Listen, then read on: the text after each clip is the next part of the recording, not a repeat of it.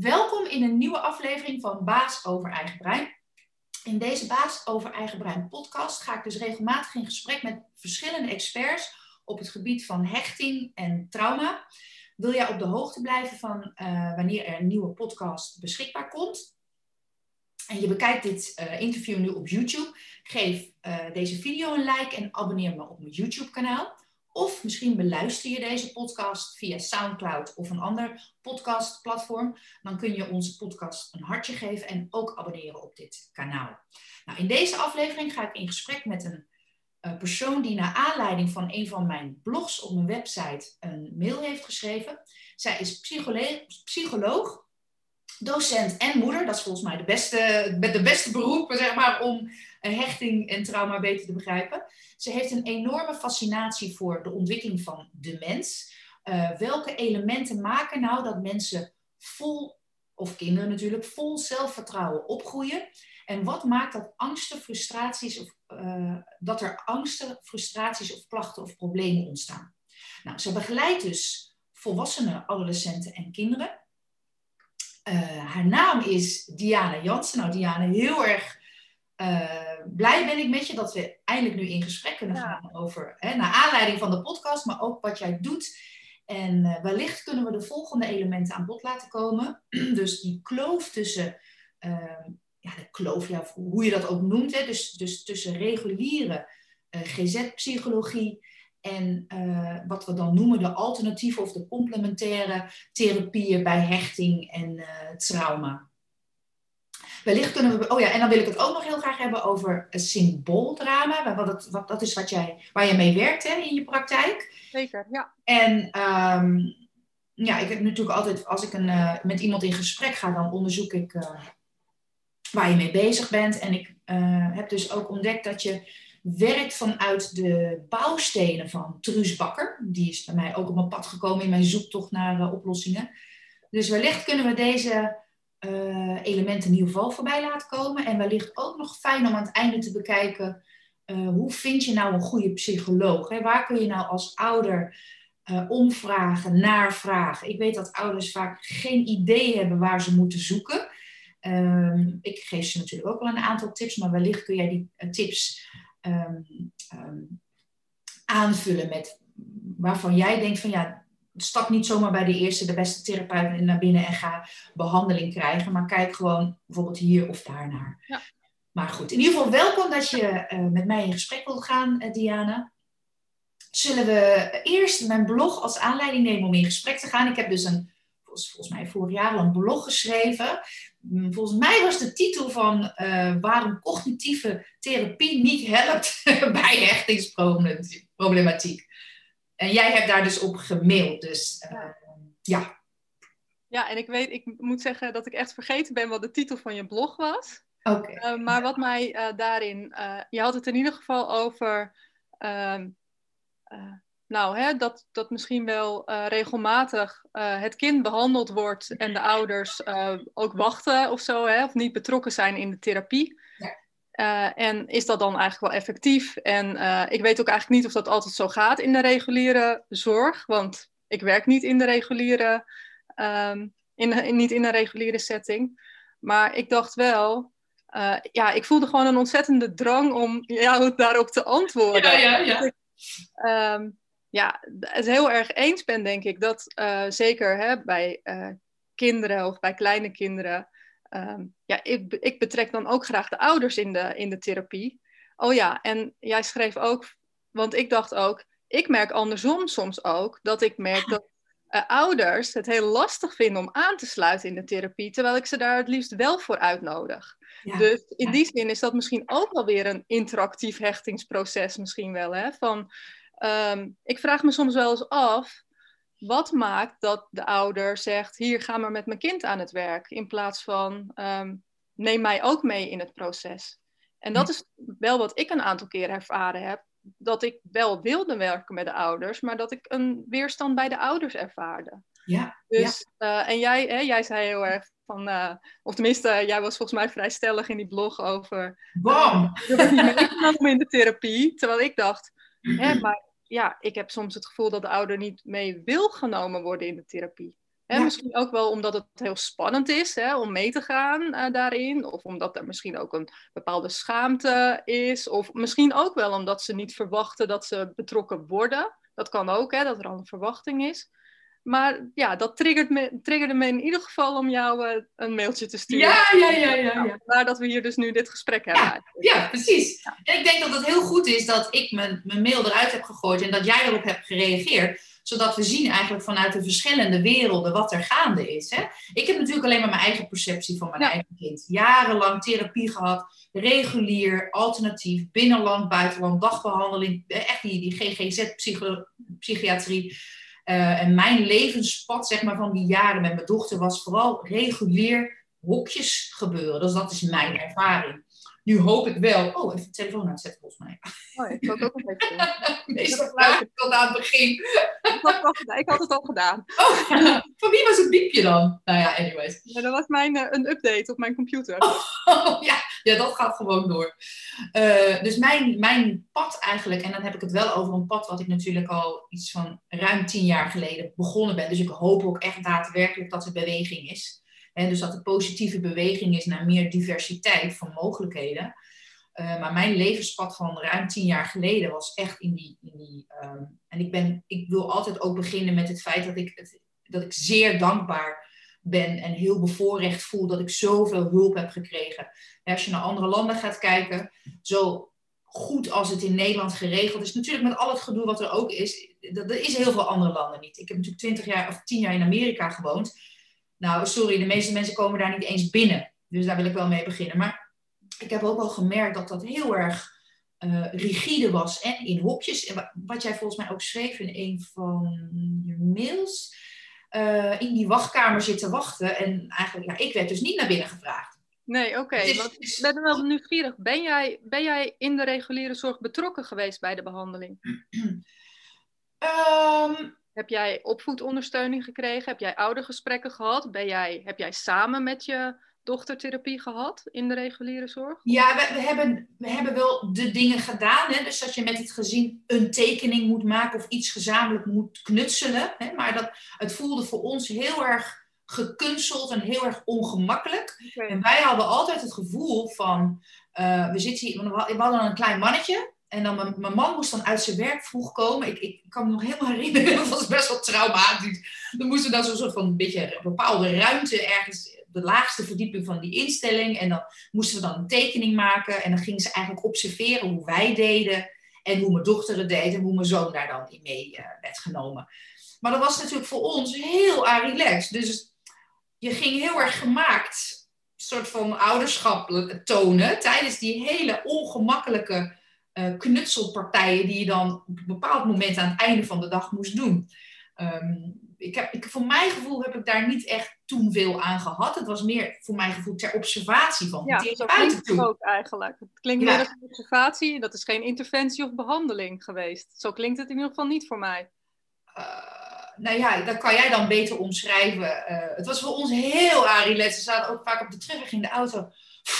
Zo, dat hebben we ook weer gehad. Want dan gingen wij bijvoorbeeld knutselen en plaatjes pakken. Nou, dan ging mijn dochter ging natuurlijk al die plaatjes eraf halen of haar plaatjes eroverheen plakken en dan zo naar ons kijken. Nou, ja. thuis hadden we natuurlijk al lang al gezegd, zoek het maar uit.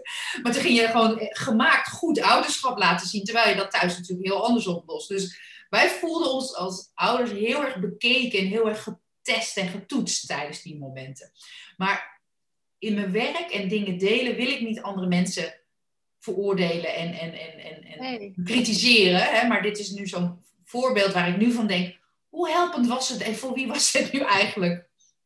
Ja, en wat heb je er inderdaad, ja, wat heeft het je opgeleverd? Want dat is natuurlijk wel een belangrijke vraag, denk ik. Heb nou ja, dan moest je natuurlijk na een paar keer moest je dan weer een gesprek voeren over hoe het dan was gegaan. En dan kreeg je feedback op hoe zij het ervaarden. Ja. Maar goed, jouw kijk daarop.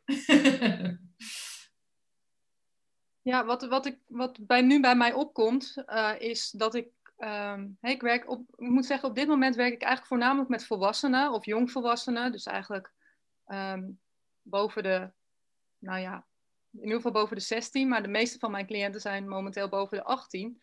En um, ik vraag hè, in, een, in een intake, vraag ik natuurlijk altijd ook naar hoe was je jeugd?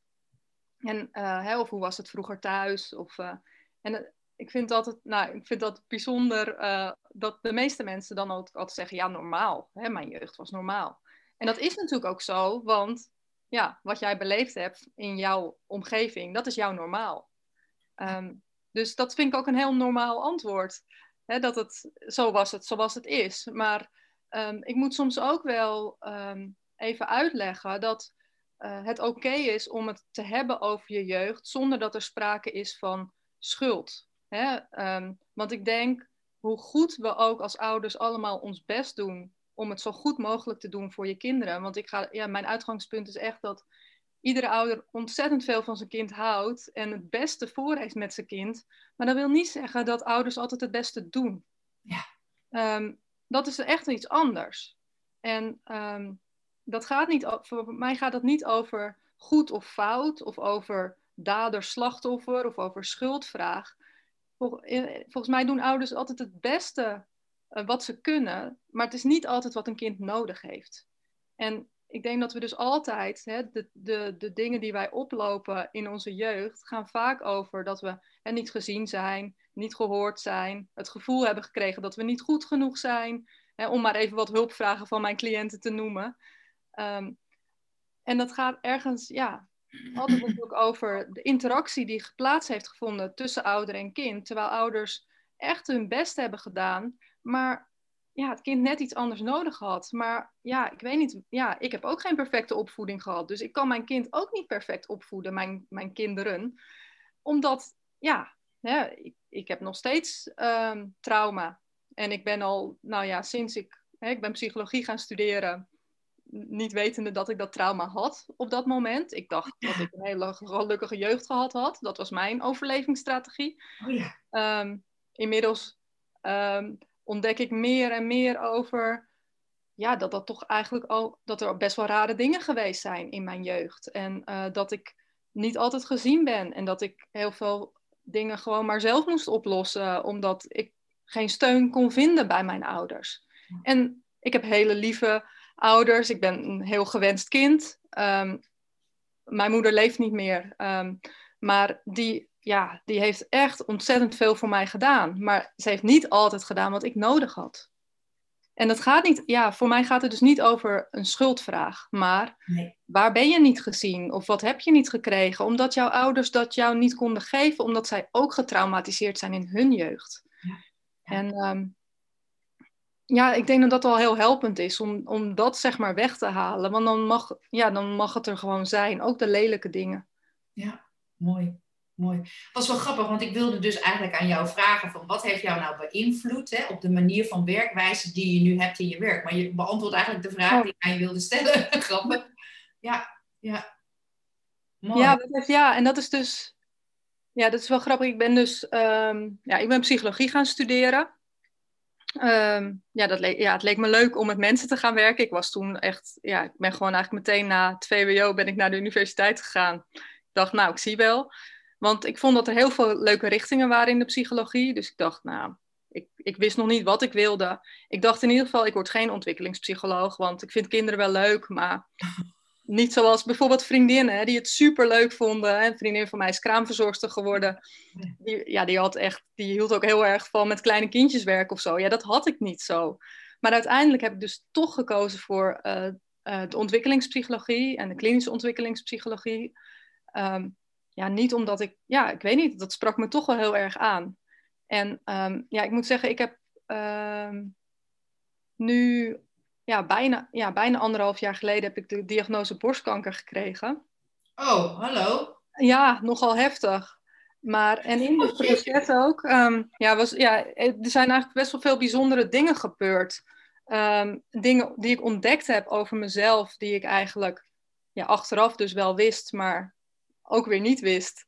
Um, uh, in dat proces. En uh, ja, ik heb echt het afgelopen jaar superveel onderzoek gedaan naar, jeetje, waar gaat dit over? Hoe komt dit? Um, wat heeft dit, ja, waar komt dit vandaan? Uh, mijn moeder is ook... Bedoel je je diagnose in combinatie met je, je, je zijn? Ja, want ik, ja, voor mij is, ja, ik heb me dus afgevraagd waarom is mijn lichaam ziek geworden? Wat heb ik gedaan? Um, wat, ja, voor mij staat uh, ziek zijn namelijk niet los van ehm, ehm, ja, uh, trauma of processen. Hè? Is het, zijn het symptomen? Ja, ik denk, ja, mijn lichaam produceert symptomen om mij iets te laten zien.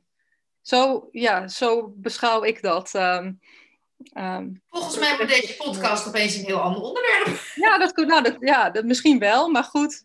Ik, ik, ik vind het zo mooi dat je dit zegt. Ik zou dat zelf niet erg durven te zeggen, namelijk. Maar ik, ik, heb, ik volg een, uh, een Canadees, hij heet Gabor Maté. Ja, oh, prachtig. Daar heb ik dus les van gehad in Engeland. Oh, wow. Hij zegt dat, hè? Dus de biology of illness of sickness of zo.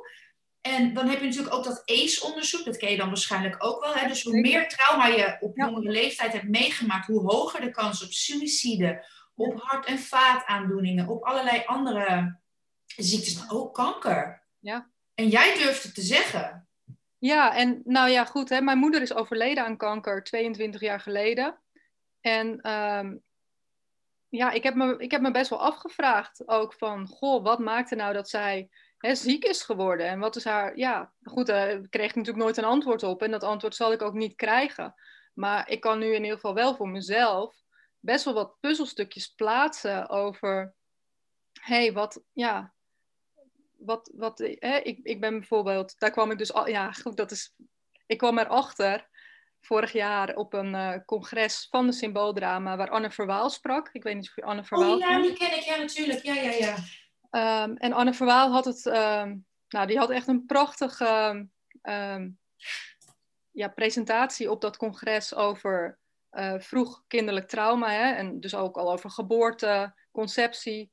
En nou, ik sprak haar na dat congres nog even. En um, eigenlijk op dat moment, omdat zij, nou ja, ergens, ik weet niet eens meer hoe dat ging, maar zij prikte ergens bij mij. En um, ik ontdekte dus eigenlijk in mijn, in mijn lijf dat ik een alleen geboren tweeling ben. Oh ja!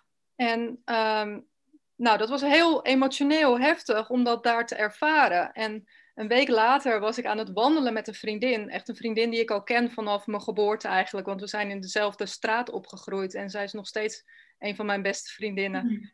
En we waren aan het wandelen. En ik, ik vertelde haar, ik zeg, nou weet je wat ik toch nu heb ontdekt? Het was zo bijzonder. Ik ben een alleen geboren tweeling. En ze kijkt me aan en zegt, ja maar Diana, dat wisten we toch al? Dat wisten we toch altijd al, dat jij er een van een tweeling bent? En ik zeg, ik keek haar aan en zeg, hè? Hoe kom je daar nou bij? Ja, nou dat is, dat, ja, dat weten dat. En toen dacht ik, ah oh ja, je hebt gelijk. Dit verhaal heb ik alles gehoord. Maar dat heb ik dus volledig gedissocieerd eigenlijk. Hè? Dat was niet een deel meer van, ja, ik kon er niks mee. Ik kon dat niet in mijn brein, hè, als we het hebben over cognitieve gedragstherapie. Dat heb ik dus ergens gehoord, maar ik heb het niet gevoeld. En Anna Verwaal, die raakte me zo dat ik het voelde in, in mijn cellen. En ja, dat is natuurlijk ook hè, die vroege, vroege herinneringen, wat je dus al meemaakt ja. in de buik van je moeder. Dat zit in je cellen, maar dat zit niet in, in dat analytische brein, want dat, is, dat was er nog helemaal niet natuurlijk. Nee. Dus um, ja, daar kom je dus ook nooit bij natuurlijk met de cognitieve gedragstherapie. Wauw. En dat is denk ik ook wat Gabor Maté en Brooks Perry ook hè, aangeven. Dat, dat het brein is opgebouwd van beneden naar boven. Uh, je kan niet in, met dat bovenkant oplossen wat in, in, Ja. in je cellen zit. Ja. Dus ja. vandaar dat ik ook, ja, ik weet niet, me nooit zo heb aangetrokken gevoeld tot cognitieve gedragstherapie. Wat natuurlijk, hè, natuurlijk, onze gedachten zijn ontzettend uh, effectief en negatieve gedachten hebben heel veel invloed en positieve gedachten ook. Mhm. Maar echt vroeg trauma, wat misschien al generaties aanwezig is, dat los je wat mij betreft niet op met cognitieve gedragstherapie.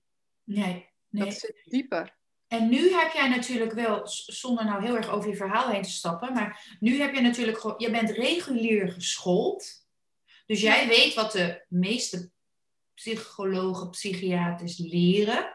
Nou, En niet wat wat jij me nu- leren hoor. Wat zeg je? Ik weet niet wat psychiaters leren, want uh, Oh, dat is natuurlijk echt een andere studie. Psychiaters hebben medicijnen gestudeerd en geen psychologie. Maar Huh? ik weet wel wat, ja. Oh, oké. Nou, dat is ook Ja. nieuw voor mij. Ik dacht dat ze wel ongeveer hetzelfde hadden gestudeerd. nee hoor. Psychiaters, ja, die, hebben de eh, die, die zijn arts en die hebben zich gespecialiseerd zeg maar, in psych- psychische stoornissen. waar een, hè, de een hartchirurg wordt en de ander huisarts, gaat de psychiater zeg maar voor de psyche. Maar psychologen bestuderen menselijk gedrag. En Oh, jeetje. dat is echt wel een heel andere, ja, een andere basis van opleiding. Ja. Ja. Nou, kan je nagaan dat ik nu nog steeds dat soort dingen moet eh, gaan snappen. Terwijl ik al jaren gewoon 24-7 met dit onderwerp bezig ben. Dus ouders weten daar dus dan helemaal niets van. Nou ja, dat, nee, ja, dat kan ik me voorstellen dat die dat inderdaad niet weten. Ja, Want op een gegeven moment begon ik dus bij, bij, bij, bij dat instituut, of bij die instelling waar we waren, probeerde, ging ik natuurlijk steeds meer vragen stellen aan de psychiater. Je hebt dan zeg maar behandelaars. Ja. En dan een psychiater. Maar die psychiater had, had, had altijd maar één oplossing. Welk medicijn zullen we nu gaan proberen? maar nou begrijp ik dat. Nou begrijp ik beter waarom. Omdat ze die kennis ook gewoon niet had. nee, ja, in principe, ja, en goed, de reguliere zorg, ehm, en zeker denk ik in Nederland, eh, kijkt natuurlijk heel erg vanuit een biologisch ehm, model. Misschien Ja. ook wel, hè? Dus ja, dan, en psychiaters denk ik, die kijken misschien ook wel vaak. Ik wil niet generaliseren hoor, want Nee. dat, en, en zeker ook niet alle psychiaters doen dat, denk ik. Maar vaak is dan misschien wel de oplossing, wat kunnen we met medicatie doen? Want dat is ook wat zij gestudeerd hebben en waar ze alles van weten. Ik Ja. weet niks van medicatie. Dat, is, dat heb ik niet geleerd in mijn studie. Oh En het interesseert me ook niet zo, dus ga mij geen vragen stellen over medicatie. Want ja, ik kijk naar gedrag en naar, ehm, ehm, eh, ja, niet zozeer vanuit, eh, ook niet vanuit een medisch eh, perspectief. Ja, ja, ja. Ach jeetje. Ja, Bijzonder. laat dat maar even indalen, dat Ik verschil. moet dat eventjes, ik moet er ook even op gaan zitten. maar goed om te weten ook, hè, voor de ouders die dit eh, beluisteren. Dat je wel weet waar je zit eigenlijk, hè, met iemand tegenover je en welke kennis ze dan. eh, want ik, ik, in mijn werk en, en de mensen die ik ontmoet, hè, in mijn training of in mijn, mijn- mijn- ja, mijn sa- online samenkomen, is er altijd zoveel eh, onkunde en onbegrip van hoe, hoe ouders zich nu moeten gedragen in, in, in, in, in, gesprekken of in het opzoeken gaan naar hulp, is zo lastig voor ze. Ik denk wat, wat jij nu net deelt, zal echt waardevol zijn. Dat je beter Nou, gaat snappen dat als je tegenover een psychiater zit, dat hij bijvoorbeeld niet met EMDR of neurofeedback of symbo- symbooldrama aankomt, omdat hij is geprogrammeerd op medicatie, wat niet per se slecht is, als dat jouw vorm van hulp is natuurlijk. Ja. Ja, en dan moet ik zeggen, ik, ken ook, ik heb ook collega uh, symbooldramatherapeuten die psychiater zijn. Dus ehm, Oh, het zou best kunnen dat eh, je dan, nou ja, het, sommige psychiaters behandelen ook heus wel hoor, maar over het algemeen ja, kijken die wel eh, vanuit een andere blik toch wel dan meer de Ja. psycholoog of de psychotherapeut. Dus dat is, Ah. Wauw. ja, Er, vallen bij mij heel veel kwartjes. oké. Nou, fijn. In die jaren dat we dus zeg maar, behandeling kregen vanuit de instelling, kwam er dus één keer in de zoveel tijd kwam er dan een psychiater binnenwandelen. Dan dacht ik, oh, hè, dit is dan de hoofdpiet, denk ik dan altijd. Maar hij gaat mij dan. Maar hij kwam binnen met zo'n bordje, of zo- zo'n zo'n zo'n zo'n zo'n papier, zo. Oké, ja, medicatie? Nee. Maar, eh, Oké, tju, ondertekenen, tekenen, dan ging die weer weg. Dat- want ik was nooit zo heel erg van medicatie. We hebben het wel hier en daar geprobeerd. Maar ik zag dat ze er of suicide of heel erg down van werd voor mijn kind. En dacht ik, nou weet je wat, dan heb ik jou liever maar als een heel lastig en eh, moeilijk kind, hè, zeg maar tussen haakjes, dan, dan eh, die medicatie. Nou, Maar nu mooi. snap ik beter waarom. Ja, ik ben, nou ja, want ja, wat doet medicatie? Ja, het onderdrukt misschien de symptomen, maar ik denk, hè, het is net als, ja, en nou ja, of dat nu gaat over gedragssymptomen of over fysieke klachten, voor mij is dat niet zoveel verschil. Ik heb me ook natuurlijk in mijn borstkankerstuk afgevraagd. Ik heb me wel regulier laten behandelen, maar ik ben wel verder gaan kijken van, hé, hey, waarom produceert mijn lijf dit? Ja, Ehm, wat gaat er mis eigenlijk? Hè? En ja, ik denk dat vaak ook, hè, nou, wat voor medicatie dan ook, maar bijvoorbeeld antidepressiva kunnen, soms zijn ze levensreddend, maar soms zijn het, is het ook een symptoombestrijding. Ja. En ja, mogen we aankijken wat er echt is? Hè, ook bij kinderen. Eh, mogen we alsjeblieft kijken naar, hé, hey, waarom doe jij wat je doet? In plaats van, we accepteren je gedrag niet en laten we het onderdrukken met medicatie. Ja, daar ben ik me de laatste maanden ook heel erg aan, uh, in aan het verdiepen in dat neurotransmitterstukje. Hè? Dus oké, depressiviteit, tekort aan serotonine. Nou, dan gaan we een antidepressiva geven. Ja. ja, maar wat lost dat dan precies op? En hoe komt dat dan dat jij um, niet genoeg daarvan produceert of niet op de juiste uh, wijze verwerkt? Dat, dat is natuurlijk een heel ander vraagstuk, wat misschien op de lange termijn veel beter helpend is. Ja, en laten we niet vergeten dat ons lichaam prima in staat is om die stofjes zelf te produceren. Ja. Hè, ons lichaam is natuurlijk Als het goed werkt. perfect uitgerust om uh, de stofjes te produceren onder de juiste omstandigheden en onder, hè, met de juiste um, mindset. Maar ja. dat ja. wat ons lijf doet, dat uh, doet het natuurlijk niet voor niks. En um, ja, volgens mij heeft het lichaam ook de wijsheid en de kracht om daar ook van te herstellen. Mits hè, die omstandigheden natuurlijk ook wel aanwezig zijn. Ja. En ik weet niet of je, ja, ik had hem er even bijgepakt al, want ik weet niet of je dit boek kent. Um, van Sue Gerhardt. Nee, dat ken ik niet. Um, zij geeft eigenlijk een hele mooie uitleg. Nou, de titel van het boek vind ik al prachtig. Waarom liefde zo belangrijk is en hoe de liefde voor je baby zijn hersenen vormt. Uh, dus zij geeft eigenlijk aan, uh, hè, een babytje wordt geboren met een, een, brein wat nog helemaal niet af is. Um, er moet, hè, zelfs tot ons, nou, ik meen dat die leeftijd steeds, hè, we schuiven het steeds op, maar die prefrontale cortex, hè, dat, dat voorstuk in je brein, volgens mij ontwikkelt dat zelfs tot je 23ste jaar. Maar ons brein ontwikkelt zich afgestemd op de omgeving. Ja. Hè, dus in basis is alles aanwezig, maar we leren Nederlands als we Nederlands horen van onze ouders. We leren Engels als we Engels horen van onze ouders. Um, hè, als we met dieren opgroeien, dan leren we een andere taal spreken. Dus hè, in basis is het, is het systeem daar om uh, te leren. Maar we leren wat, we nodig, ja, wat de omgeving ons aanbiedt en wat we nodig hebben om te overleven. Ja. En uh, ja, ja goed, wat je daarin aangeboden krijgt. Um, ja, maakt ook dus. Ja, precies. En dan in puberteit, dat heb ik dan weer geleerd van, uh, van Dan Siegel, ga je op een gegeven moment prunen. Dus dan gaat je brein een soort chemisch uh, uh, proces door, of in ieder geval een, een adaptatieproces. Hè? Dus dat de, de, de, stukjes die je niet goed hebt gebruikt of op een andere manier kunt gebruiken. Hij omschrijft dat in zijn boek, boek Brainstorm. Ik weet niet of je hem kent. Nee, ja, ik ken hem wel, maar dat boek niet. Oh, nou, ik vond het echt een fascinerend boek, want wat me ook zo raakte bij jou is dat je dus ook adolescenten in je praktijk hebt. En daar heb ik zo'n warm hart voor, want die groep wordt eigenlijk het minst begrepen. Kleine kinderen hebben nog allemaal passie voor, daar zijn we heel erg hard mee bezig. Maar als op een gegeven moment zo richting puberteit, jongvolwassenheid gaat, of volwassen zijn, ja, dan is eigenlijk het, het, alles wat ze laten zien, wordt eigenlijk al uh, gecriminaliseerd. Of hè, dan, dan komt het opeens een heel, een heel ander daglicht staan. Maar denk je, maar... Nou, laten we nu het nieuws maar eens uh, hebben. Oh, ja. Ik heb daar vanochtend nog een opmerking over gegeven. Ook van, hè, hoe kun je hier naar kijken, naar, naar, naar, deze mensen? Jij kijkt er waarschijnlijk ook met een hele andere pet naar. Van, nou, ja, wat hebben deze mensen niet ge gekregen? In welk, op welk stukje worden zij niet gezien of gehoord? Dat is eigenlijk waar het om gaat. Waarom je spullen van een ander kapot gaat maken. Ja, en dan denk ik, nou goed. Ja, ik heb het gisteren toevallig met mijn man over gehad. Over uh, hè, de, de rellen.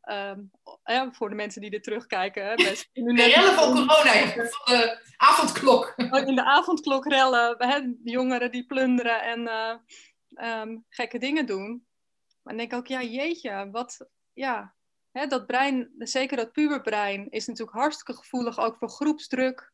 Um, kan eigenlijk nog misschien niet zo goed zelfstandig beslissingen nemen. En um, ja, denk ik, nou, wat, wat doen we de pubers op dit moment aan? Hè? Die zitten al zo lang geïsoleerd thuis. Ja, um, ja ik wil niet, ik, niet da, daar weer hè, het verschil tussen wat je voelt en wat je doet. Ja. Ik wil niet het gedrag wat ze, wat ze laten zien goed praten. Hè. Het is natuurlijk niet oké om geweld te gebruiken of spullen van anderen te stelen of kapot te maken. Laten we daar duidelijk over zijn. Ja. Maar wat, ja, wat ik nu wel bijzonder vond, is dat er dan weer zo. Um, ja, mogen we ook kijken naar waarom doen ze dat dan? En wat is, wat is de behoefte die ze eigenlijk laten zien? En volgens mij is dat de vraag die je nou bij ieder kind of bij hè, ieder mens moet stellen. Um, en dat is eigenlijk ook altijd mijn uitgangspunt. Um, je doet wat je doet, eigenlijk altijd met een goede reden. Um, jouw goede reden. Ja. ja. Jij hebt een goede reden om je te gedragen zoals je het doet. Ja. Um, het wil niet zeggen dat het handig is of dat het hè, voor de omgeving, ja, maar goed, wat zit erachter? Ja. Waarom doe je dat nou eigenlijk? Ja. Als ik kijk naar mijn eigen kinderen, hè, ik, heb, ik zeg altijd, ik heb een hele veilige hechte zoon, gelukkig voor hem, en dan een heel kwetsbaar meisje. Ik zie nu bij mijn dochter, die heeft, we leven eigenlijk best aardig hier. Weet je, we hebben allemaal eigen kamer, een rustige, rustige, veilige buurt. Maar ik zie mijn dochter, alles waar zij zo hard voor heeft gewerkt, wordt van haar afgenomen. Ja. Dus een bijbaantje bij de HEMA, de sportschool, haar school. Ik zie mijn kind echt afgeleiden. Maar zij heeft nog twee ouders, eh, een redelijk oké leven. Maar als je dat dus allemaal niet hebt en je hebt dezelfde gevoelens als mijn dochter, ik zou bijna willen zeggen, ik snap het dan dat je, dat je dit gaat doen, want het is een, een, een, soort bom van adrenaline en het niet gezien worden en, hè, en cortisol, constant maar die cortisol en, en die sta, eigenlijk dat, dat de reptiele brein uh, over actief maken, doordat je je gewoon zo machteloos voelt, dan ga je dit soort dingen doen. Ja, en ik denk dat er ook gewoon een, een flinke opstapeling is van het niet kunnen um, um, ja, dat, dat, dat dat emmertje inmiddels een beetje volgelopen is. Hè? Want ja, anders had je misschien nog iedere week uh, je sport waarin je weer kon ontladen. Ja, waar, ja, het is best wel moeilijk misschien. En volgens mij helemaal niet onmogelijk hoor. Want volgens mij zijn er mogelijkheden genoeg. Maar dan heb je wel even wat meer uh, nodig om te snappen hoe kan ik dan nu ontladen in deze tijd. Ja. En ik denk dat zeker pubers daar ook een beetje hulp bij nodig hebben. Want ja, hun brein is nog niet zo. Uh, ja, het is nog ook ja, hartstikke in ontwikkeling. Dus laten we ze alsjeblieft ook een beetje helpen om uh, uh, handige. Ja, ik zeg altijd, hè, want ik heb best wel. Nou ja, ik heb echt een, uh, een passie voor, voor jongeren en pubers. Ik heb, in, oh. ik heb zes jaar op een middelbare school gewerkt, oh. in speciaal onderwijs. Oh. En dat waren eigenlijk allemaal kinderen, jongeren met een diagnose. ik werkte in, in speciaal onderwijs cluster 2 heette dat toen. Dus dat waren de slechthorende uh, jongeren, maar ook veel met een diagnose spraaktaalstoornis of autisme. Oh ja. Maar daar heb ik, ja, ook met mijn collega die dus ook werkt met symbooldrama, hebben we toch ook wel heel vaak met elkaar gehad over, ja, is dit nu autisme of een hechtingsstoornis of een hechtingsprobleem? Hè? Want ja, heel vaak dacht ik, ja, dit, dit gaat over hechting. Dit gaat helemaal niet over autisme. Um, hè, maar goed, in de reguliere zorg um, ja, wordt dat natuurlijk vaak al snel een ander. Ja, er moet een label opgeplakt worden voor de vergoeding. Ja, zo werkt ja, Nou, maar zo werkt het wel gewoon, het systeem in Nederland. Ja, ja dat vind ik heel erg. Ja. Maar dat is wel wat het is. En ik denk, ja, um, zonder diagnose ja, wordt er geen, wordt er, zijn er geen vergoedingen. Nee. En niet voor onderwijs, niet voor zorg. Dus het moet een ja, en vaak is dan een ADHD of autisme label toch wel wat er dan... Handiger. Ja. Makkelijker om vergoedingen te krijgen, ja, zo is het. Ja. Maar dan heb, je, dan heb je vast ook dat artikel gezien, ik dan in de Volkskrant, met dat heel veel mensen met de verkeerde labels uh, rondlopen. denk ik, nou, dat weten toch met z'n allen al dat dat, dat, dat het geval is. Dat het gewoon ook soms handiger is om uh, dat label te hebben in plaats van dat label. Want dan kom je wel ergens binnen met dat andere label weer niet. Dus ja, dat hebben we zelf gecreëerd met die DSM-5 natuurlijk. Ja, ja, en dat systeem, dat, uh, nou goed, hè, de DSM geeft zelf al aan van dit is geen vergoedingensysteem. ja, maar dat is het wel geworden. We passen het wel toe zo op die manier in Nederland. Ja. Dus, uh, maar wel goed. Laten we ook nog even teruggaan naar wat jij uh, in ieder geval de luisteraars kan brengen voordat het een hele actuele politieke discussie wordt. Want ik wil zo graag de luisteraars uh, iets leren over die symbooldrama. Ja. Uh, dat is waar je, want ik vind het super fijn om daar ook nog verder over te kletsen. Vooral over die pubers en die, uh, die jongvolwassenen. Dat is wat ik, wat ik al zei, die verge vergeten groep, tenminste vergeten groep, maar die op een gegeven moment op een hele andere manier wordt bekeken. Nou, we merken al van beide kanten dat we daar gewoon een groot hart voor hebben. Maar hoe kun jij, want deze jongeren help je dan ook met symbooldrama, neem ik aan. Ja, ook. Ja. Maar vertel even, even beginnen bij het begin. Wat is symbooldrama? Hè, wat doe je dan en wat kun je ermee bereiken? Nou, ja, ik, ik, ik, blijf het soms nog best moeilijk vinden om dat uit te leggen, wat het, hè, maar ik ga mijn best doen. Ja. Uh, symbooldrama is eigenlijk een uh, imaginatieve psychotherapie. Uh, eigenlijk, ja, misschien in die zin wel een beetje vergelijkbaar met EMDR, wat misschien wat bekender is. waarin je dus eigenlijk ook hè, teruggaat. Bij EMDR ga je terug naar een beeld van een traumatische gebeurtenis wat je beleefd hebt maar in gedachten. We gaan niet terug daadwerkelijk in de situatie, maar imaginair, hè? In, in je in, in een veilige plek hier en nu ga je in gedachten terug naar die uh, traumatische gebeurtenis. En um, bij symbooldrama ga je dus eigenlijk ook imagineren, dus in gedachten naar een plek. En dat hoeft helemaal niet een traumatische plek te zijn, maar vaak, hè, symbooldrama, werken we juist op symboolniveau. Dus we um, gaan een soort van dagdromen met thema's, uh, vaak natuurthema's. Dat kunnen hele veilige thema's zijn, ook wat spannendere thema's, hè, maar daar zullen we nooit mee beginnen.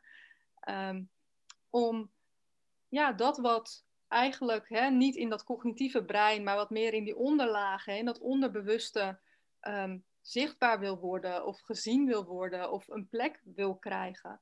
Ja, daar gaan we dus eigenlijk naar kijken. Kijken wat er is. Kijken wat er te beleven valt in die belevingswereld op symboolniveau.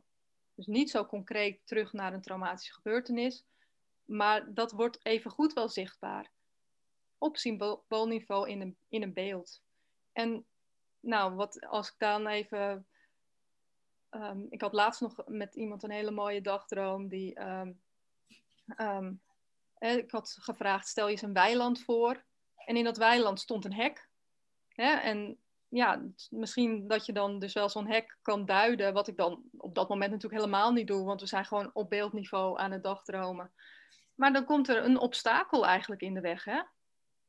Uh, wat vaak, nou ja, in een weiland kan dat dus een hek zijn, of misschien wel een sloot waar je niet, ja, waar je een obstakel waar je dus uh, ja, langs kan, misschien wel, of overheen of niet. En nou, deze cliënt die probeerde eigenlijk over dat hek te klimmen en dat lukte niet, want hij gleed steeds maar weer naar beneden.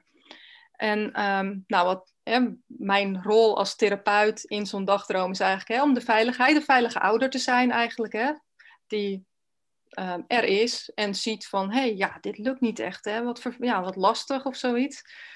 Um, heb ik niet zo duidelijk in dit geval benoemd hoor, maar dat is natuurlijk wel ja, wat ik ergens dan uh, laat merken. En ik heb hem eigenlijk gevraagd, goh, misschien kan je even een stapje achteruit doen en even kijken wat er, uh, ja, hoe dat nou eigenlijk zit. En toen zei hij, oh, ik kan er gewoon onderdoor. Oh. En nou, toen ging hij gewoon onder dat hek door. En toen kwam hij in een prachtige, sprookjesachtige wereld terecht. Maar eh, ja, er was een obstakel um, op de weg eigenlijk. Waar die, nou, wat zijn manier was, was steeds maar hè, klimmen, klimmen, klimmen en weer terugvallen. En door een stapje achteruit te doen en er onderdoor te gaan. Hé, hey, obstakel weg. Nou ja, dat soort dingen kan je dus beleven in um, symbooldrama. En, ga, je ehm, ook nog iets met, uh, ga je ook nog iets tekenen of kleien? nou ja, na, dus na zo'n dagdroom uh, inderdaad, dan gaan we tekenen. Ja, ik doe vaak tekenen, niet kleien. heb ik ook wel gedaan met kinderen, maar op dit moment, uh, ja, eigenlijk doen we vaak tekenen. En um, gaan we er ook over in gesprek. En in dit geval was wel mooi dat deze um, cliënt zei: Ja, ik merk dat ik eigenlijk best wel veel last heb van mijn dyslexie in mijn werk. Uh, want dat maakt eigenlijk dat ik het best wel lastig vind, bijvoorbeeld om mailtjes te sturen. Want ik controleer mezelf honderdmaal en het geeft heel veel stress en druk. En um, ja, doordat we dus op beeldniveau eigenlijk dat obstakel op een andere manier oh, hadden, ja, dat hij daar op een andere manier mee was omgegaan, merkte hij hè, de volgende sessie dat hij weer bij me kwam, dat hij zei, nou, er is echt een last van mijn schouders gevallen. Ik doe niet meer zo moeilijk. Ik denk, ja, ach, dan maak ik eens een foutje. Of ja, en door dus de dagdroom, waarin je dus hè, dat dus in je gevoel, hè, het is een um, gevoelsbeleving in die droom en iets anders doet, dus de exposure eigenlijk, maar dan op symbolisch beeldniveau, uh, verandert er dus iets in het brein, in de interactie, wat volgens mij, ja, we, zijn, we, hebben nog misschien onvoldoende wetenschappelijk onderzoek naar wat gebeurt er nu in het brein, maar ik denk net zoiets als bij EMDR, hè, dat je dus ja, nieuwe verbindingen maakt. En dan uh, ja, verandert er dus ook gewoon iets in het dagelijks leven. En is het allemaal niet zo moeilijk meer. Oh, wauw. Ik heb dan nog wel daar een vraag over, want mijn dochter heeft natuurlijk ook al in de loop van de jaren zoveel therapieën gehad. En zij heeft dus nu ook, uh, nu alweer een poosje niet meer, maar daarvoor uh, een poosje ook uh, symbooldrama gehad. En ik weet niet of het nou goed aan haar wordt uitgelegd. En ze zegt, ja mama, ik zit gewoon ik moet een beetje iets verzinnen en dan moet ik een tekening maken en ik begrijp niet zo goed wat ik aan het doen ben. Dan kan ik me voorstellen dat je ook dat soort cliënten in de praktijk hebt. Dat ze niet, want ik snap jou natuurlijk helemaal, maar als je niet snapt waar je mee bezig bent, hoe kan je dan toch uitleggen dat het zinvol is om te doen? Ja, dat is ehm, soms best lastig. Ja. En ga je het dan, want heb je nodig als cliënt om te snappen waar je mee bezig bent, dat het helpt? Of is dat niet nodig? Als je een meegaande, kijk, mijn dochter is wel meegaat, hè? dus die, als, die, als die dame zegt van joh, je moet, uh, wat jij zegt, meegaan en je ziet een, eh, een hek in een weiland. Je kunt niet controleren in het hoofd van mijn dochter of het waar of niet waar is, maar ze is wel sociaal aangepast. Dus die doet dan net alsof ze het kan of niet kan, dat weet je dan niet. Hoe ga je daarmee om? Hoe weet je of het lukt of dat het niet cognitief verzonnen is, maar dat het echt een gebeurtenis in dat, in dat brein is? Ja, nou goed. Je merkt als, als therapeut merk ik wel of iemand in zijn hoofd zit of in zijn lijf. Oké. Uh, want soms, hè, dat gebeurt soms ook, hè, dat, dat mensen misschien al zelfs hè, in het beeld gaan analyseren. Zo had ik laatst ook iemand die zei, Ehm, die zag een, uh, een, vogeltje in een boom en die zei: Ah, het is net mijn moeder. Hè? Oh. En, maar dus, tijdens de dagdroom. Ja. En ja, dan is die dus eigenlijk uit de beleving in, in, in, weer in het hoofd. Hè? Dan, dan, hè, daar kan je natuurlijk ook tussen schakelen. Tussen, maar ja, dan vraagt ze ook van, joh, laten we nu nog weer even teruggaan naar het beeld. We kunnen het straks kunnen we het analyseren. Oh, ja. Um, dus dat merk je wel. Of oh, ook daadwerkelijk op dat gevoelsniveau zit of niet. En dat is wel de bedoeling van de therapie, hè? dat we in die gevoelslaag blijven tijdens de dagdroom. Ja. Um, en niet het gaan bedenken. Dat vind ik ook, ik, ja, ik heb deze therapie, want um, ja, ik ben ook altijd erg voorstander van dat je zelf de ervaring hebt um, en niet alleen maar een therapie geeft zonder dat je hem zelf ondergaan hebt. Ja, ja, ja. wat mijzelf altijd zo verraste of nog steeds verrast als ik weer eens een dagdroom ehm, zelf als cliënt zeg maar onderga, is dat ehm, ook al soms weet ik al het thema, hè, ook in de opleiding wist ik van oh deze week of deze maand gaan we met dit thema of dit motief aan de slag. Dan kan ik al misschien van tevoren bedenken van oh dan zal er misschien wel dit of dat gebeuren. Maar ik was altijd zo verrast over dat er dan achteraf iets was gebeurd waarvan ik dacht, nou dit had ik echt nooit kunnen bedenken met mijn, met mijn cognitieve brein. Het, ont, ja, die, het is heel bijzonder wat, wat, wat we dan toch uh, onbewust uh, ja, ons bezighoudt. Ja. En wat zichtbaar wordt in zo'n dagdroom. En, en volgens mij leer jij dan ook iets aan jouw cliënten wat ze niet goed kunnen. Hè? Dus uh, vanaf hier lekker de boel afsluiten en alleen maar in, dat in dat hoofd leven. Ja, en jij leert ze dan. ben ik zelf ook heel goed in geworden in, uh, mijn, ja, in de omgeving waarin ik ben opgegroeid. Ja, ja. En, dan, en sommige mensen uh, zijn er heel, ja, kunnen heel goed um, verbeelden, imagineren en anderen wat moeilijker. Maar ja, ik denk, ja, we kunnen het allemaal. Want als ik jou vraag, nou, kan je, hè, stel je eens voor dat je door de supermarkt loopt en uh, wandelen eens naar het brood toe, dan kan je dat ook in je hoofd, kan je daar een beeld van maken van hoe dat dan gaat. Ja. Dus dan kan je ook vragen, nou, stel je eens een, een boom voor of een weiland. Ja. En um, ja, dan, dan produceert ons brein iets. En ja, waarom jouw boom jouw boom is, is omdat dat ja, relateert aan jou. En um, um, ja, ja, bijzonder eigenlijk, hè? Heel bijzonder, ja, maar ook zo mooi soms wat daar dan uh, uit de voorschijn komt. Ja. Ja. Ja, en mijn taak dan dus, of de taak van de therapeut is, ja, zie ik dus echt om die veilige ouder te zijn, om niet te schrikken als het spannend wordt, uh, of als het uh, eng wordt, of als er hè, negatieve gevoelens zijn, erbij te blijven. En, hè, want ja, um, goed, hè, je, je zit gewoon veilig in de kamer bij de therapeut. Wat kan je overkomen? Ja. Maar het kan zo levensecht of bedreigend soms voelen in zo'n beeld, um, dat dat um, ja, wel fijn is als er dan iemand bij je is. Hè? Want ik geloof ook niet dat je uh, trauma heel goed kan verwerken in je eentje. het is heel fijn uh, als de ander er is die zegt: Je hoeft niet bang te zijn. Ik snap dat je het eng vindt, maar het is niet gevaarlijk, hè, wat de veilige ouder eigenlijk uh, ja. zijn kind leert. Ja, ja. ja mooi. ja, dat probeer ik dan in therapie te doen. En, um... Ja, want dat is dus wat je, want dat was ook een vraag die in mijn hoofd bleef zitten. Wat bereik je nu met symbooldrama? ik snap het dat je bijvoorbeeld dingen in een andere perceptie kan gaan zien. Hè? Dus een stapje terug van dat hek. Ja. Um, je vertelt me ook dat als je enge dingen ervaart, maar in een veilige setting en jou als een, in een bepaalde ouderrol, of in ieder geval in een liefdevolle volwassen rol, Ja. het aangaan, hè, maar dan wel met de steun en het gezien en gehoord voelen. Ja.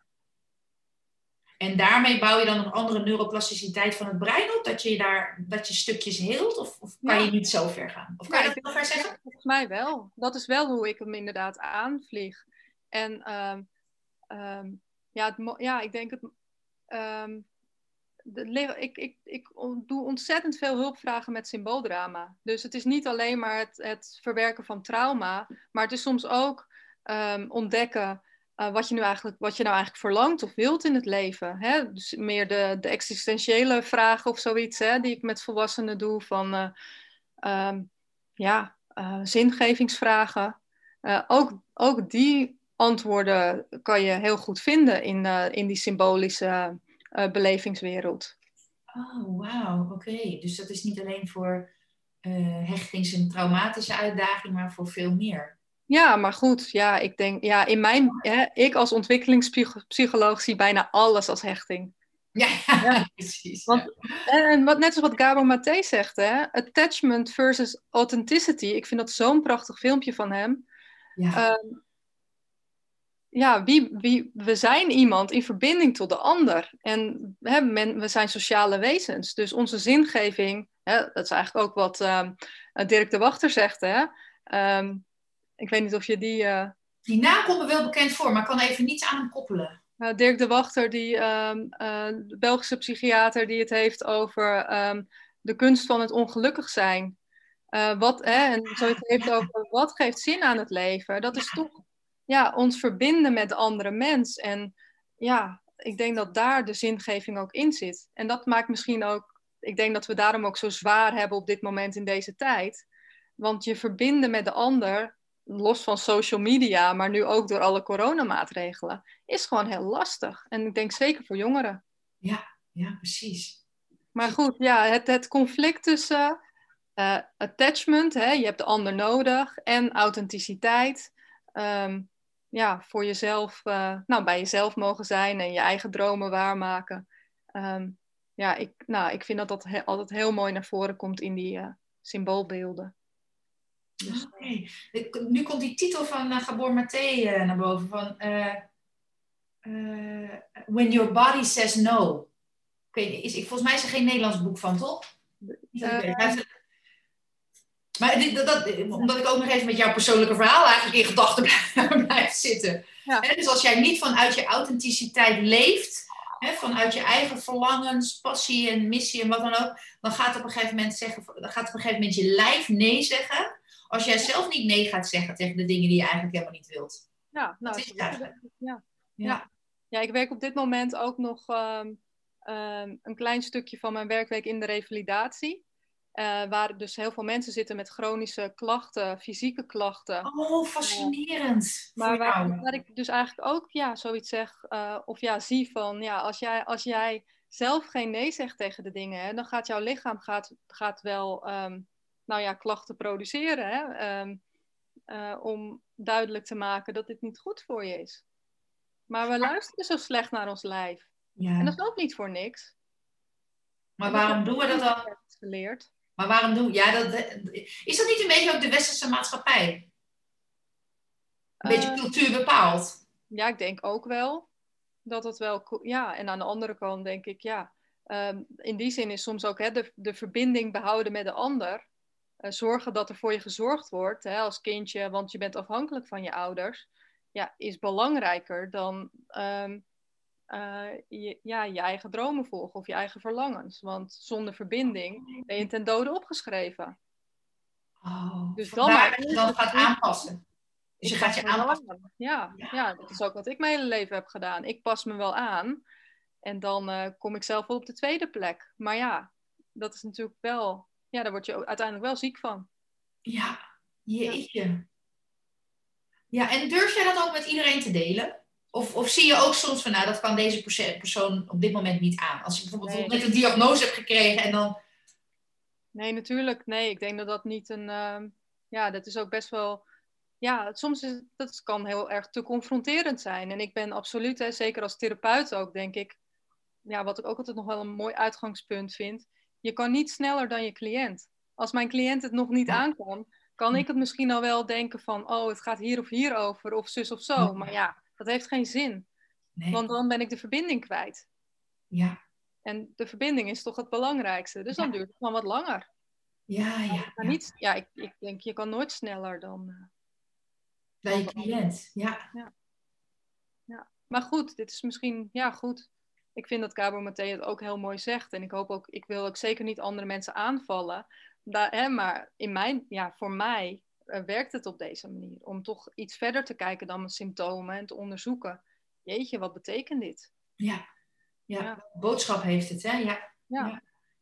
Zo, ja, het is echt. Uh, de, de, gesprekken zijn altijd weer heel erg uh, bijzonder en gaan soms een kant op dat je denkt: oh, oké, okay, mooi. Misschien is per se wat we, waar we nou van bedacht hadden om het over te hebben. Ja, dat is een beetje ondergesneeuwd, hè? En ik zit ook de tijd in de gaten te houden. Ja. Nou, ik, ik weet nu al dat het super waardevol is van, voor degenen die dit aan het luisteren zijn. Dus in ieder geval, voor mij is het heel erg waardevol. Nou, we hebben het in ieder geval ook over symbooldrama natuurlijk gehad. Hè? Dus ook voor ouders die op zoek zijn naar alternatieven voor hun kinderen. En ook misschien wel voor zichzelf. Um, ja, want van hart... wel, ja, want dat, dat is nog wel denk ik belangrijk. Want dat is ook waarom ik jou contacte hè, over... Um, um, ja, ik denk dat het ook heel fijn is om uh, als jij hè, als ouder uh, merkt van hé, hey, ik vind het lastig uh, om mijn kinderen op te voeden. Ik moet zeggen, hè, ik, heb, ik heb het gestudeerd, hè, ik heb ontwikkelingspsychologie gestudeerd. En ik vind het moeilijkste wat ik in het leven vind, is mijn kinderen opvoeden. Echt, ik heb nog nooit zoiets moeilijks gedaan als dat. En ik doe het dan gelukkig ook nog samen met mijn man en niet alleen. Maar ik heb ook, begeleid ook alleenstaande moeders, dat ik echt denk, jeetje, hoe doe je dat? Want ik vind het echt heel moeilijk. Ja. Um, maar ja, dat, dat doen we dan maar zomaar of zo. Ja, nou ja, er zit niks anders op, hè? Ze zijn er, dus je moet gaan opvoeden. Ja. Maar wat wou je ze nog meegeven dan over symbooldrama? Nou, ook over, want ik denk, ik heb even ook nog aan mijn collega's uh, of een paar collega's gevraagd die wel, want ik werk op dit moment eigenlijk niet zoveel met kinderen, maar hoe zij dat dan doen ook, hè? Um, um, leren, werken zij dan eigenlijk alleen met het kind of met de ouder en het kind? En um, nou, uh, de collega met wie ik eigenlijk het meest werk en ook lang mee gewerkt heb, die zegt, ja, eigenlijk doe ik, zeker met kleine kinderen werk ik uh, in sessies, doe ik de dagdroom met het kind en is de ouder daarbij aanwezig. Hè? De ouder is dan eigenlijk ook medetherapeut, want ja, en dan, dan ben je als ouder gewoon daarbij. En, of, en de ouder kan er ook van leren. Hè? Ik vind ook altijd hè, gewoon leren observeren door naar de therapeut te kijken en te zien, hé, hey, hoe gaat die dan met mijn kind om? En oh, wat een goed idee. Of hé, hey, die doet dat anders. Of oh, die, hè, want wat ik ook wel eens ervaar is dat soms ook ouders, als ze dus samen met, met kind in therapie zitten, soms ook een kind zit van, nou kom op, doe nou eens even netjes of schiet nou eens op of zo. Dat ik denk, oh, laat lekker. nou eens op. Ja, ja. ja. Of, um, hè, dat, dat ik nou ja, daarin ook wel kan laten zien van, hé, hey, het is prima, het is goed, ze mogen het op hun eigen tempo doen bijvoorbeeld. Of, um, ja. En wat dan denk ik ook wel weer heel veel um, ja, nieuwe ideeën ook opdoet. Juist als je als ouder dus aanwezig bent bij de therapie. Ja. Uh, maar ook, ja, uh, je zou, uh, want symbooldrama kan je dus ook als een relatietherapie aanvliegen. En dus samen dagdromen. Hè? Dus niet alleen het kind of alleen de volwassene die een droom doet, maar je kan dat ook ja, samen een droom doen ehm, met ouder en kind. En dat doet mijn collega ook wel. En zij ziet eigenlijk naast dus de, de, de droom met het kind, uh, ook de ouders apart. Dus zij zegt, ik doe vaak een sessie ouder en kind. En dan een sessie alleen met de ouders, ook om na te bespreken. Hè? En dan weer een sessie met ouder en kind. Um, en dus niet zozeer de focus op het kind, maar meer op, uh, ja, hoe kan je als ouders dus, um, um, nou, ja. Uh, de, ja, Iets, ja. krijgen of beter omgaan of meer inzicht krijgen in waar gaat dit eigenlijk over. Ja, ja, nee, eh, ik, ik, ik ben bijvoorbeeld ook meerdere malen naar Amerika geweest om daar dus van allerlei therapieën te krijgen. En de mensen die ik daar dan uh, benaderde en waar ik mee in behandeling ging, uh, ze hadden altijd een manier dat als het kind alleen met therapeut was, was er altijd of een, een dubbel glas of iets van geluid, dat de kinderen ook niet allerlei onzin gingen vertellen. Want vaak onveilig gehechte kinderen hebben een beetje een de neiging, ze noemen dat in Amerika crazy line. Dus dan kwamen er bijvoorbeeld hele rare verhalen naar boven, maar zo authentiek verteld dat die therapeut er enorm voor ging. Dus zij hebben toen, met, met, met de mensen waar ik dan nu ook inmiddels mee werk, hebben ze altijd ehm, een bepaalde vorm dat er een, uh, dat het ge, hoe zeg je dat, ehm, teruggekoppeld worden aan de ouders van is het wel waar, is het authentiek? En wat ik ook in het begin al zei, weet je, mijn dochter kun, kan ook dingen uh, neerzetten um, zo overtuigen dat, dat het voor een nieuwe therapeut is, of misschien iets minder ervaren therapeut, als waarheid wordt ja. uh, genomen. Terwijl dat gewoon een verzinsel is van haar. En dat, vooral bij onveilig kinderen is dat wel iets om extra aandacht aan te geven. Maar ja, als je de ouder dus in de kamer hebt op een of andere manier, of in ieder geval veel meer directer erbij betrekt, dan uh, heb je daar natuurlijk veel minder mee te maken. Nou ja, en ik zat ook zo te denken, ja, ik net als dat, dat we nou, vanuit de EFT bijvoorbeeld de relatietherapie, die natuurlijk ook gestoeld is hè, op, de, op de hechtingstheorie van uh, Bowlby, um, werk je ook met, met hè, dan werk je met uh, partnerrelatie, maar ook in relatie in de therapie. Ja. En um, ja, hechting is natuurlijk ook steeds een interactief proces. Ja. Het gaat over tussen mij en de ander. Ja. En ja. tussen mij en mijn cliënten heb ik een hechtingsrelatie. En ja. ik doe continu steeds weer opnieuw mijn best om die veilig te laten zijn. Hè, dat ik de veilige therapeut kan blijven. Wat natuurlijk ook niet altijd lukt. Want ja, ik ben ook niet vrij van trauma, maar ik doe mijn best en ik leer. Ja. Um, maar ja, hoe fijn is het als je dus als ouder ook steeds beter in staat wordt om die veilige hechtings, hechtingsfiguur voor je kind te zijn. Maar daar, ik denk dat daarvoor heb je dus ook uh, de ouder nodig in de therapie. En niet alleen het kind. Ja, anders kan, anders kan, het nog een heel eigen leven gaan leiden met wat het kind daar in die behandelkamer vertelt. Ja. Nou ja, dat ook. Maar ook het kind gaat weer terug naar jou, naar huis, ja. naar de therapie. Ja. En um, kijk, ik vind het anders. Uh, hè, als je volwassen bent, dan ben je niet meer afhankelijk van je ouders. En kan je je eigen keuzes gaan maken. Wat soms ook al een heel moeilijk proces is. Hè? Zeker als mensen een onveilige jeugd gehad hebben. Om de ideeën ja, om, om, om, om je eigen authenticiteit te vinden eigenlijk. Hè? Wie ben ik en wat wil ik? Um, met dat wat ik heb meegemaakt. Um, maar ja, als je, als je dus nog bij je ouders woont, of zeker als je klein bent en je bij je ouders woont, um, dan is het toch wel fijn omdat die afstemming er is. Hè? Van hé, hey, als we wat willen veranderen in onze interactie of in onze hechtingsrelatie, ja, dat je dat ook met elkaar gaat afstemmen. Maar daar, daar, daar, heb ik dus ook een beetje mijn vraagtekens bij uh, gesteld toen mijn dochter 18 werd. Hè. Dus uh-huh. ik heb ook bijvoorbeeld een, een, gesprek gehad met Marcia Struik. Zij heeft net een boek geschreven. Zij, zij, komt heel erg op voor die hulpverleners. Zij, zij wil eigenlijk hulpverleners weer vanuit hun hart laten werken. Omdat heel veel toch een beetje de weg kwijt zijn in oh, protocollen en alles. En, um, dat is ook de reden waarom ik niet meer in de, in de reguliere instelling werk, maar nu mijn eigen praktijk heb. Ja. Omdat ik gewoon niet.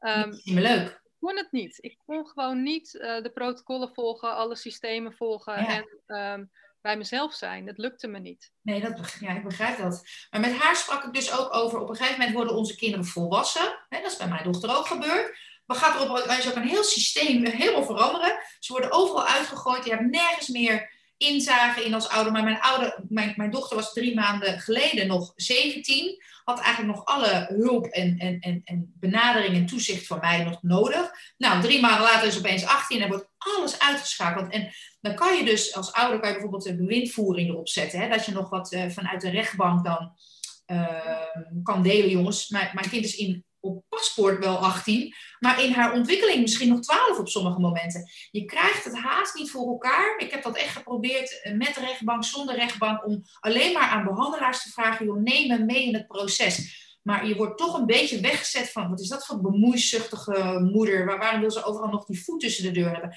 Maar dat is waarom ik dat dus wil, omdat een kind is niet opeens volwassen en helemaal klaar voor de wereld, omdat het 18 wordt hè, in haar paspoort maar, maar on, on, qua ontwikkeling nog veel jonger is. En ik vind dat ook zo'n gekke doelstelling die er op een gegeven moment in Nederland is gemaakt. Snap je wat ik bedoel? Dat is heel frustrerend voor ouders om, uh, om daarmee te maken te hebben. Ik denk dat het e-, enerzijds goed is dat je als kind recht hebt op je privacy. En dat je ook gewoon als volwassene in die zin serieus genomen wordt in je rechten. Van nou, je mag dat zelf bepalen. Uh, maar dat zij dat zelf mogen bepalen, betekent natuurlijk niet dat ik niet heel vaak met kinderen of jongeren hè, het, het, uh, met hun overleg of het niet heel verstandig is om, zeker als ze nog thuis wonen, ook systeem, uh, systemisch te werken. Hè? Dus ja, de ouders betrekken bij de therapie. En dat brengt juist vaak ook um, heel grote verschillen. Door. En dat, hoe ik dat dan vaak aanvlieg, is dat ik bijvoorbeeld, ik heb dat, ja, ik hou echt van met pubers werken. Ik vind dat echt zo leuk. Oh, yes. um, dat, hè, bijvoorbeeld, ik heb een, een jongen van een jaar of 16, 17. Um, um, misschien was hij zelfs nog 15. Ja, volgens mij was hij 15 uh, begeleid of behandeld. En wat ik, ja, dat ik dan met hem voorbesprak van hey, waar zou je het graag met je, in dit geval met je ouders, maar moeder kwam, waar zou je het graag over willen hebben? Dat we dat gaan bespreken, dat dat voor jou, hè, want wat pubers vaak ervaren natuurlijk is, ja, oh, ik hou echt van ik hou echt van pubers die zeggen: Ja, ik moest hier, ik moest hier naartoe van mijn mentor of ik moest hier naartoe van mijn ouders. Maar um, ja, eigenlijk wil ik hier helemaal niet zijn ja. hè, met die houding. En dat ik dat het zo leuk vind om met hun dan te kijken naar: hé, hey, maar hoe kan jij nou zorgen dat je zo min mogelijk last hebt van je ouders bijvoorbeeld? Hè? Of dat, ja, ja, dat zij jou serieus nemen of ook luisteren naar wat je zegt, in plaats van dat ze jouw dingen afnemen of uh, hè, gaan bestraffen, wat er natuurlijk vaak gebeurt dan. Hè, dan ja, jij mag geen baantje als je geen goede cijfers haalt. Of jij mag niet dit. Terwijl het dan vaak juist. Hè, of je mag niet je favoriete hobby meer uitvoeren als je niet je best doet op school. Waardoor ze vaak dus dan heel erg um, uh, de controle. Hè, het gevoel hebben van ik heb nergens controle over uh, in mijn leven. Maar om juist dan met ouder en kind daarover in gesprek te gaan en te kijken, hey, hoe kan jij ja, hoe, hoe, hoe, hoe verwerf jij als jongere eigenlijk toch um, ja, invloed op je leven? En um, blijft het leuk?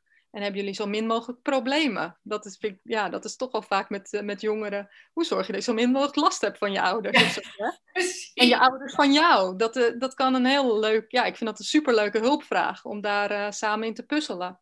Ja. Maar samen werkt dan wel beter dan alleen. Ja, nou, ik merk dat nu ook nu mijn dochter volwassen is dan. En zij vraagt ook soms, hè, wil je het misschien ook... Want dat hadden we bij dat instituut wel. Dan werd het gewoon teruggekoppeld. Zij vond het fijn, ik vond het ook fijn. Want ik vind mijn dochter wel inmiddels twintig in haar paspoort. Maar nog helemaal niet uh, twintig in haar ontwikkeling. En ik gun haar alle vrijheid. Maar ik wil wel haar ja, iets van, hoe noem je dat? Een soft place to fall geven. Als er weer een nieuwe situatie aan ja, aan wordt geboden. Hè, van een vriendje of een vriendschap, noem maar wat. En nou ja, anyways, ik, ik zie dat we ook een beetje de tijd in de gaten moeten houden. Ja, dus, uh, ja maar goed, en ik denk ergens um, ja, is het best wel normaal dat als je relatieproblemen hebt als volwassene, dat je dan, dan samen met je partner in de therapie doet, toch? Dat is heel normaal, denk ik. Partnerrelatietherapie, waarin je dus twee volwassenen in de kamer hebt, dat is ja. heel normaal. Ja. Maar een volwassen kind en ouder, waarom zou dat ook niet gewoon normaal zijn, inderdaad? Laten we dat in ieder geval meenemen in dit gesprek. Um, wat wil je mensen nog echt, hè, of ouders of luisteraars, meegeven? Uh, wat, ze, wat ze zeker van jou moeten leren of zeker moeten weten over waar we nu in het afgelopen ruim een uur over gehad hebben? Ja, wat, uh, wat ik graag als boodschap mee zou willen geven is. Um, um, geen enkele ouder is perfect. Uh, we doen wat we kunnen. Yes. Maar durf ook uh, te kijken naar, um, ja, um, hey, wat, ja, waar ben ik zelf in getraumatiseerd? Wat vind ik zelf lastig? Welke emoties vind ik moeilijk om mee om te gaan? En ga daar zelf mee aan de slag, want daarmee maak je het beter voor je kinderen. Heel en, mooi. Um, ja, ik zou echt uh, ieder kind eigenlijk gunnen dat ouders eigenlijk het liefst al voordat ze überhaupt uh, besluiten om een kindje te nemen, ja. um, um, durven kijken naar binnen van hé, hey, wat, ja, wat kan ik in mezelf verbeteren zodat ik een hele goede, veilige plek kan creëren voor mijn kindje. Ja. Nog hè, voordat, um, want ook zo'n zwangerschap, hoeveel invloed dat al wel niet heeft op uh, het latere leven. En, ja. het, is, en het, gaat, het staat echt los van schuld. Ja. Je bent niet schuldig als je het niet goed doet. Maar um, ja, je kan altijd leren. En ja. Um, nou, ik denk dat we ook heel veel van onze kinderen leren. Zo. Ik heb zoveel geleerd. Vooral van mijn dochter, van mijn kwetsbare dochter. Enorm, ja. ja. Nou, een waardevolle afsluiting. Ja, oké. nou, graag gedaan. Yes, dankjewel. Nou, vond jou ons gesprek ook waardevol en wil je op de hoogte blijven wanneer er weer een nieuwe podcast beschikbaar komt? Geef dit YouTube-kanaal, als je dit via YouTube-kanaal bekijkt, een like en abonneer je op het kanaal, want dan krijg je een melding als de nieuwe wordt geplaatst. En als je dit beluistert via SoundCloud of een ander platform uh, voor podcasts, dan kun je ook een hartje geven en je daar abonneren. En dan hoef je dus nooit meer een baas over eigen brein podcast te missen. En dan wil ik je ook bedanken voor hè, uh, dat je hier aanwezig was om te luisteren of om het te bekijken. En dan uh, hoop ik je weer te zien in de volgende podcast. Bye bye. En dankjewel hè, Diana. Dankjewel. Graag gedaan. Bye.